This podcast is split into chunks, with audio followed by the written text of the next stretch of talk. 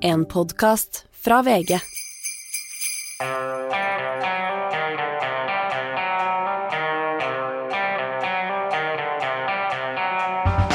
Ikke visste jeg at alle disse dagene som kom og gikk, det var selve uke 51. Det er snart jul, og året er snart eh, over, Hanne.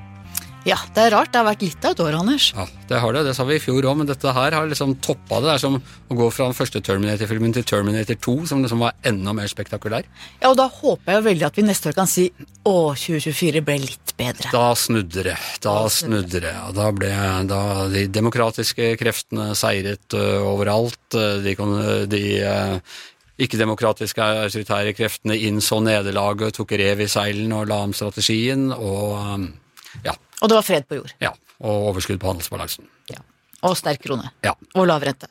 Litt tidlig å si det helt sånn. Vi, jo, vi var jo så heldige å ha Jens Stoltenberg i studio her i forgårs, eh, var det vel. Og eh, selv om Jens Stoltenberg er, så er god til å snakke engasjert, optimistisk om ting, så er det veldig alvorlig det budskapet han gir.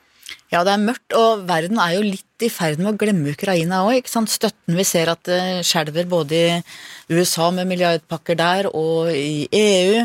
Og vi merker det her i Norge også. Og vi merker det her i Norge også, og det, folk er ikke like opptatt av det. Jeg tror ikke vi klarer helt å se, vi som det store, da, både Norge og Europa og USA, se at det er faktisk også vår kamp, at det er veldig kritisk dersom nye kolonimakten Russland vinner fram i Ukraina. Ja. Vi eh, spurte ham jo også eh, så vidt om eh, For nå skal han tilbake. Det, det, det, har jo blitt utsatt flere ganger. Han har vært der i ti år, men nå skal han tilbake. Men om, om, hva han skal gjøre. Men jeg tenkte egentlig at det var en litt eh, Jeg burde spurt skal du inn i norsk politikk igjen. Det var litt unnfall, unnlatelse, unnlatelsessynd at jeg ikke fikk til det. Tror du han skal det? Nei, jeg tror ikke det. Men jeg har i siste tida tenkt at det det er mange i Arbeiderpartiet som drømmer om å få Jens tilbake, at Jens Stoltenberg kan være liksom statsministerkandidat. Og... Det er litt som de drømmer om Gerhardsen-tiden, bare at nå er faktisk Gerhardsen bare ute av døra en stund og skal komme Rent fysisk kan komme tilbake. Og jeg tror virkelig ikke det kan skje, men jeg vil ikke utelukke det helt. For det er klart, hvis Arbeiderpartiet gjør det like dårlig på målingene inn mot landsmøtet i 2025, eh, og eh, Jonas Gahr Støre sier at dette bærer ikke for Arbeiderpartiet, eh, så kanskje Kanskje, altså Arbeiderpartiet er jo et parti hvor det i hvert fall tidligere har vært krefter som da har tatt grep hvis det virkelig går dårlig. Eh, hva skjer? Vil LO reagere i forhold til Jonas Gahr Støre? Vil noen kreve hans avgang? Vil det skje ting i kulissene? Så, men som sagt, jeg tror det er veldig litt sannsynlig, men jeg vil ikke våge å utelukke det helt. Nei, Men er det mulig? Har vi hatt noen eksempler eh, på den type eh, politiske comeback? Altså hvor de ja, altså, En som ville meg, og uten sammenligning for øvrig, sorry Jens Stoltenberg, jeg vet du av og til hører på oss, eh, men Richard Nixon i USA var visepresident eh, for Eisenhower, så tapte han valget mot Kennedy i 1960. Jeg er usikker på hva han dreiv med de neste åtte årene, men så kom han tilbake og vant presidentvalget. Men han gjorde jo det ivrig for at han ville stille til valg og ville ha den jobben, ja. og det tror jeg virkelig ikke at Jens Stoltenberg drømmer om å komme tilbake Nei. Eh, og gjøre ting om igjen. Det tror jeg virkelig ikke. Men det er, ligger helt sikkert da en sentimentalitet i Arbeiderpartiet rundt den tiden. Det gikk veldig bra, det trepartisamarbeidet. Det var generelt bedre tider økonomisk og, og, sosialt, så han kan vel bli utsatt for en viss kurtise, tror du ikke det, fra sterke krefter i partiet? Det tror jeg det er jo noen som allerede har drømt om det, sånn på bakrom og andre steder. Men, men det er jo ikke alltid sånn at en reprise blir så god heller. At ønskereprisen er jo ikke akkurat Nei, og det er det jeg egentlig da lurer på om kan han det. Altså ja, selvfølgelig er det teoretisk mulig, men er det det mulig å gå ut av noe så sært som norsk politikk? Drive med så store ting, og så komme tilbake altså, Jeg vet at veldig mye av det Jens Stoltenberg brukte eh, energien sin på da han var statsminister, var jo å holde de tre partiene sammen, selv om det var, kunne se mer idyllisk ut eh, eh, fra utsiden. Og liksom du skal være veldig veldig sånn sausa inn i det politiske miljøet for å kunne klare å, å, å, gå inn i det, og kan man gjøre det etter en så lang pause? Det tror jeg han hadde vært i stand til, men vi må også huske på at Arbeiderpartiets problemer stikker langt dypere enn en person. Det er klart Vi ser at Jonas Gahr Støre på mange måter ikke når fram til velgerne, men, men sosialdemokratiet står i mye større problemer. Det er mye mer strukturelt og handler mye mer om samfunnsomveltninger, om verdensøkonomi, og andre ting. Så det, det er litt easy quick fix hvis man bare tror at man kan skifte en på toppen, og så går det mye bedre. Og så er de jo også da helt uh, samme generasjon. Dette er, uh, Disse gutta er på min alder. Uh, Stoltenberg er to år eldre enn meg, Jonas Gahr Støre er ett år eldre enn meg, Raymond Johansen er like gammel som meg. Og på et eller annet tidspunkt så uh, må jo vår, våre alderskull russen eh, fra 78 til eh, 80 må, må eh, kaste inn håndkleet. Hvem ligger an i Arbeiderpartiet til å ta over der? Bare si først at dere er jo langt yngre enn både Joe Biden og Donald Trump. bare for å Det syns jeg ikke er noen god sammenligningsstandard, rett og slett. Ja, men det er klart at uh, Tonje Brenna er en veldig sterk kandidat. Uh, Jan Christian Vestre uh, er nok ganske lik Jonas Gahr Støre på mange vis. Har ikke den bredden, tror jeg, i det å nå gjennom til velgere som Brenna har. Uh, Kari Nessa Nordtun, som er ny kunnskapsminister til ordfører i Stavanger, er jo en stigende stjerne. Så det er nok flere aktuelle kandidater nå enn det har vært på en stund. Og Stoltenberg kom jo til makten etter en veldig hard intern uh, maktkamp, og som skapte ganske dype sår langt inn i Arbeiderpartiet. Og vi har Torbjørn Jagland er åpenbart fortsatt preget av dette, når han uttaler seg om alt fra, fra Nato til Arbeiderpartiet. Gjerne Nå, store bokstaver på Facebook. Og gjerne store bokstaver på Facebook, ja. men, i, men også i tredje bind av sine memoarer. Og Eh, nå virker det ikke som det er noe særlig personkonflikt der i det hele tatt. Er ikke det veldig rart? Jeg tror Arbeiderpartiet... Så Jagland hadde jo Arbeiderpartiet oppe på uh, 35,5, altså nesten det, det magiske 36,9, ja. ja.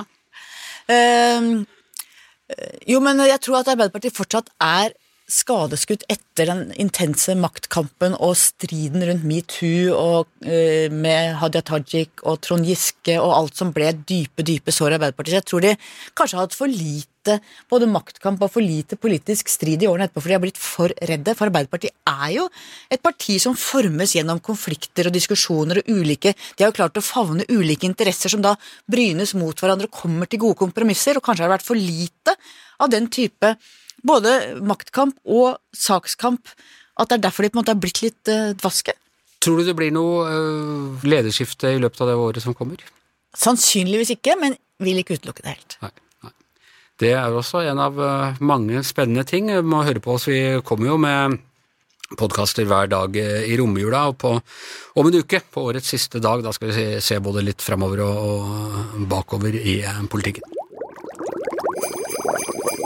Ok, da syder og koker det for aller siste gang i dette året, og det betyr at det er mediebobler, og velkommen til Gard Steiro.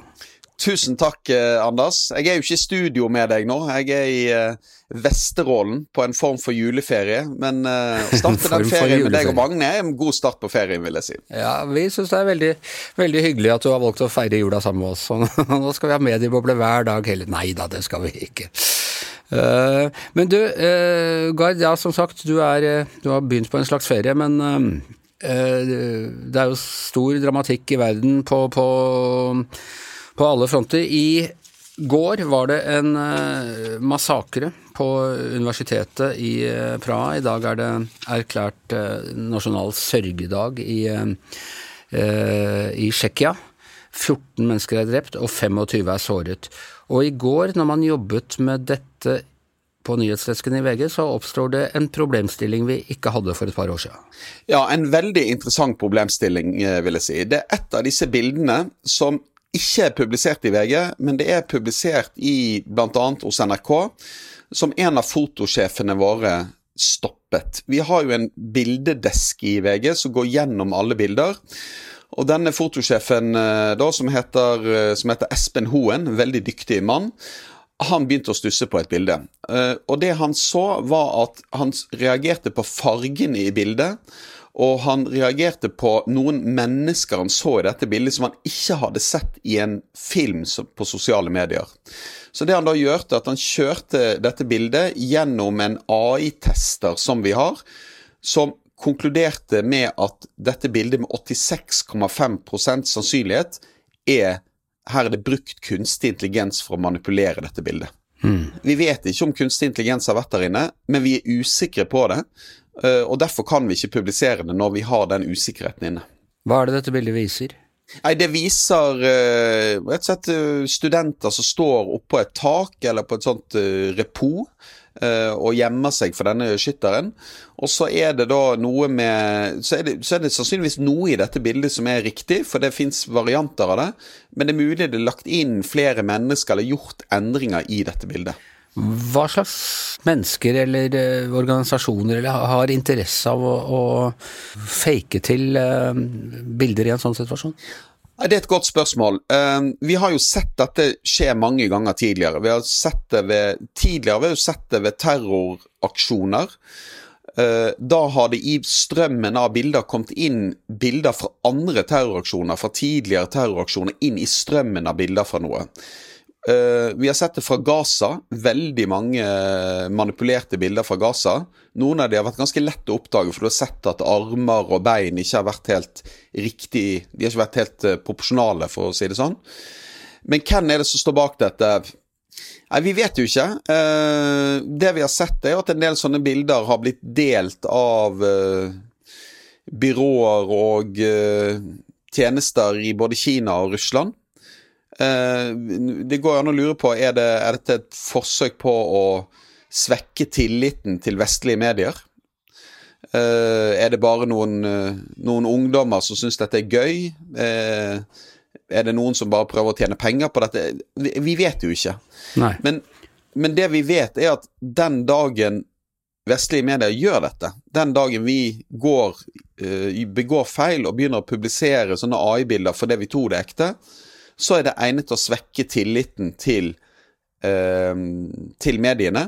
Og da er det òg egnet til å svekke tilliten på en måte til den offentlige samtalen. For hvis vi ikke vet om bilder og videoer, om det er korrekt eller det er kunstig eller det er forfalskninger, så blir jo det helt umulig å ha en, en samtale om det som skjer, om nyhetsbildet, basert på fakta.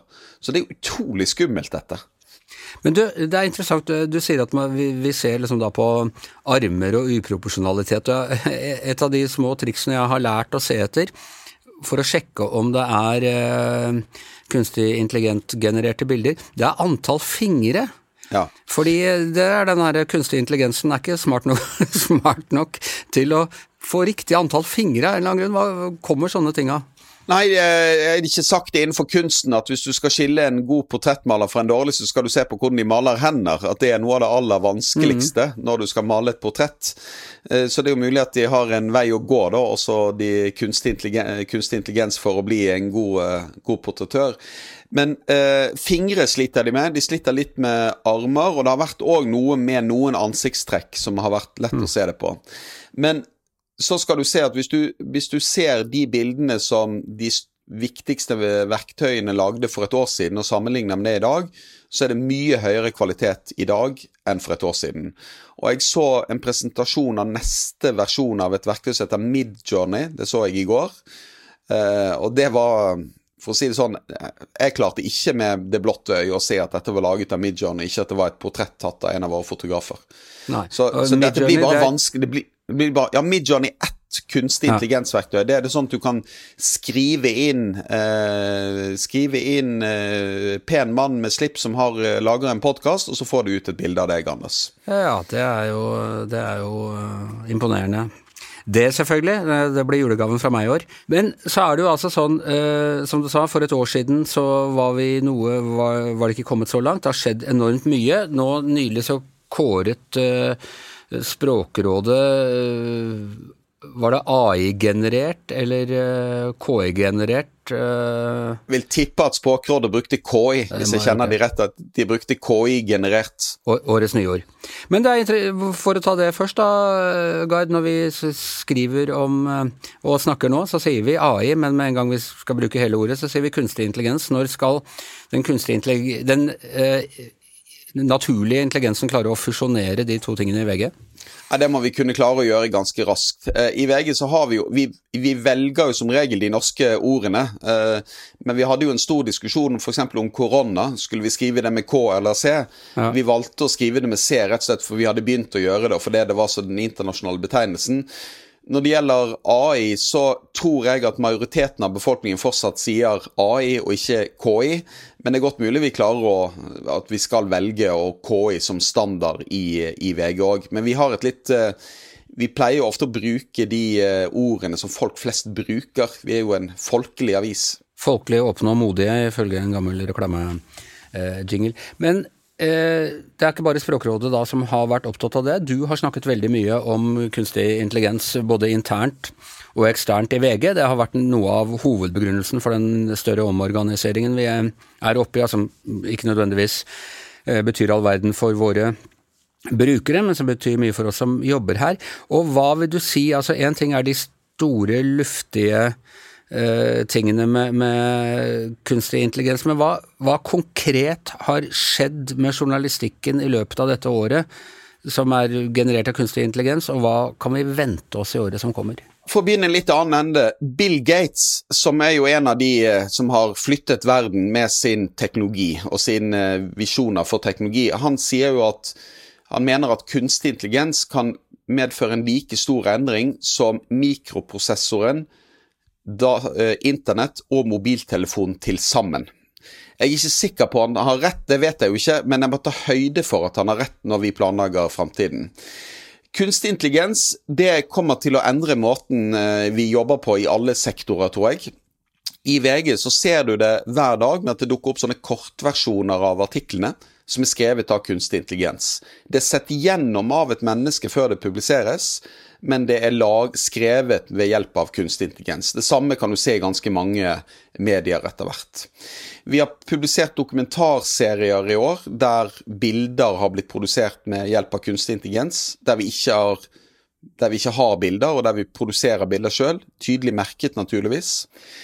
Og til neste år så tror jeg kunstig intelligens på ulike måter kommer til å være en del av verktøyene som alle journalister bruker i VG. Og for noen dager siden så, så jeg et klipp fra en amerikansk eh, liten, eh, et lite selskap som har startet den første TV-kanalen, eller er i ferd med å starte den første TV-kanalen, der alle nyhetsoppleserne er avatarer skapt av kunstig intelligens. Så dette, dette påvirker oss, øh, og på det positive siden så vil jeg si at jeg tror det kommer til å gjøre måten vi presenterer innholdet vårt på, bedre. Og jeg tror at Eh, det kommer til å være først og fremst et veldig viktig, eh, godt researchverktøy for journalistene. Hjelpe oss å skrive bedre, hjelpe oss å finne informasjon. Så er det jo òg en veldig nedside med dette. da. Det er jo litt det vi var inne på med, med nå, den forferdelige massedrapet i Praha. Det at det blir vanskeligere både for oss og for alle som prøver å følge nyhetsbildet, å skille mellom det som er lagd av maskiner og mennesker. Så det er jo med, jeg går jo inn i dette med en teknologioptimisme, men også med en frykt for dette, hva det skal gjøre med nyhetsformidlingen.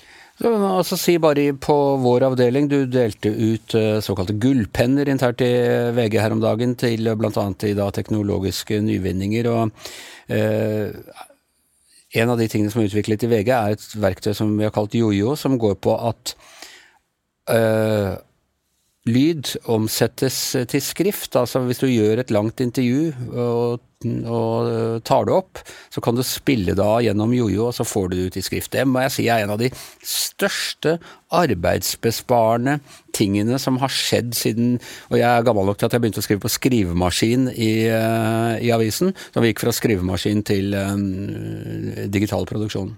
Ja, det verktøyet heter som du sier jojo. Um, og Vet du hvor mange arbeidstimer som er spart siden vi utviklet det for et år siden? Nei, det vet jeg ikke. 16 000 arbeidstimer er spart. Ja. For det, vi, det, teller vi, hvor mange timer er spart. Så, cirka, så det er ca. 16 000 timer. Og, eh, og, det mener jeg Vi brukte jo det, vi her, vi, jeg og du og Magne, bare for noen uker siden da vi snakket om Finn Skårderud, der vi hadde behov for å lese gjennom, altså se hva vi hadde sagt, for at vi ikke hadde sagt noe galt. I stedet for å lytte gjennom dette, så fikk vi bare en utskrift av alt vi hadde sagt noen minutter etter vi hadde spilt inn podkasten. Mm. Så det er et utrolig kraftfullt verktøy, og det kan alle våre lyttere eh, laste ned. Det ligger på AppStore, eh, så kan man laste ned Jojo sjøl. Vi har gjort det åpent og tilgjengelig for alle. Eh, og det er jo noe av det vi har brukt utrolig mye tid på, som du sier tidligere. Det er at eh, journalister som gjør intervjuer, de må sette seg ned og lytte og skrive av og spole tilbake og sjekke. Det har tatt ofte timevis, og de som lager podkast, har brukt uker på det. Og nå går det i løpet av noen Ja, nå går det utrolig fort, da. Jeg skrev en bok for uh, to år siden som var uh, nesten utelukkende basert på, på intervjuer. jeg brukte da mye tid på å sitte og skrive av mine egne opptak, og da jeg hadde levert den boka, så kom det verktøyet der. Så det var litt dårlig timing fra, uh, fra min side. Men så er det en annen ting, Gard. jeg vet ikke hvem, en eller annen klok person har sagt at vi har en tendens til å overvurdere betydningen av teknologiske nyvendinger på kort sikt, og undervurdere dem på lang sikt. Og jeg husker jo da nettet kom sånn midt på 90-tallet, var vi mange, og jeg var en av dem, som sa at nå kom liksom Dette kom til å fjerne papiravisen, og det vi ville omtrent slutte, slutte å møtes eh, ansikt til ansikt. Vi skulle bare vandre rundt i, i uh, cyberspace, i noe sånn virtual reality og sånne ting. Så fortsatte papiropplaget å stige nesten i ti år til, før internett kicka inn for alvor. og Helt inntil nå i fjor så har papiravisen vært en av de viktigste inntektskildene for VG. Tror du ikke det også vil skje med kunstig intelligens? At vi nå, nå lager vi alle disse uh, fascinerende og delvis skremmende scenarioene, og så tar det ganske lang tid før det kicker inn? Det, uh, ja, jeg pleier å bruke det samme sitatet sjøl, Anders, uh, om hvordan, altså at vi overvurderer hvordan teknologien påvirker oss på kort sikt. Og jeg tror du har helt rett. Men det, men det er én ting som gjør at det kanskje kan være annerledes nå. Og det er at utviklingen i Altså, den teknologiske utviklingen går bare fortere og fortere. Så hvis du sammenligner med da vi fikk internett på midten av 90-tallet, og de første nettavisene rundt, på slutten av 90-tallet og rundt år 2000, så gikk den teknologiske utviklingen ganske langsomt. Men hvis du sammenligner med det med da vi fikk mobiltelefonene, eh, så gikk det fortere. Altså overgangen fra bare PC-er med internett til mobiltelefoner og smarttelefoner den gikk mye raskere. Og hvis du ser på uh, de ulike nå, liksom nye, nye, sosiale mediene som dukker opp, hvor fort de går fra null bruker til 100 millioner brukere, så har det gått mye fortere. Veksten til TikTok har gått mye fortere enn veksten til Facebook gjorde i rundt 2007-2008, eller når det kom. Og det, vi, altså det, altså det, verktøyet folk flest kjenner med kunstig intelligens, som heter ChatGPT, som er en sånn stor språkmodell, det er den tjenesten som har gått raskest i historien fra 0 til 100 millioner brukere. Så det er mulig det går fortere denne gangen eh, enn det har gått tidligere. Jeg vet jo ikke, men, men hvis du sitter og leder en uh, mediebedrift i dag, eller for så vidt hvilken som helst bedrift, egentlig, om det er et advokatselskap eller det er en uh, bank eller hva det er, så tror du må ta høyde for at det kommer til å gå veldig fort. Ja.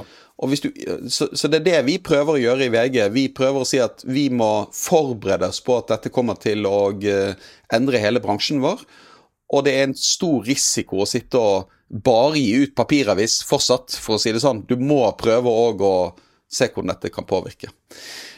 Men jeg husker, husker, du at vi hadde en diskusjon for noen tid siden. Hva var det de ikke kunne erstatte kunstig intelligens eh, på, et, eh, på, et, sånt redaksjonsmøte, Anders? Ja. Ja, for der, Jeg har jo prøvd dette, og prøvd å bruke kunstig intelligens til å skrive lederartikler i VG. Ja, ja. Det, og, det er jeg klar over. Ja. Og, og, det går ganske fint, da. Ja. Og den dårlige nyheten for meg og deg er at nå har vi òg utviklet verktøy i VG som kan lage podkaster av tekst, med humor og med skråblikk og alt mulig. Det fungerer ufattelig godt på engelsk. Der kan du lage podkaster av hva som helst nå. Ja. Og så er det heldigvis, eh, for å si for vår del, så er det temmelig dårlig på norsk inntil videre. Eh, vi gjør, eh, da kan vi fortelle at vi skal jo da gjøre et fåfengt forsøk på å bremse denne uutgåelige lemenmarsjen mot undergangen ved og det, altså Jeg sa at dette er det siste utgaven av mediebobler i år. Det er siste utgaven av mediebobler som vi kjenner det. For fra over nyttår så får vi vår egen podkast, Gard. Dette er veldig stort, eh, Anders. Dette har jeg drømt om i mange år, å få en egen podkast sammen med deg og Magne. Det, det må jeg si. Ja, og det har vi altså fått til, og ikke minst fordi du har tatt deg tid i en jeg vil si, meget travel hverdag. Vi, Magne og jeg kaller deg bare 'Har vi snakket med verdens travleste mann?' når vi prøver å, å, å Men du har fått det til hver gang, og det gjør at vi jeg har tro på at vi skal få til det til neste år òg. Det blir en egen podkast som kommer hver lørdag. Men vi blitt Vi har ikke helt landa navnet på den. Jeg, og her er jeg inhabil, for jeg fant på navnet Mediebobler, veldig fornøyd med det.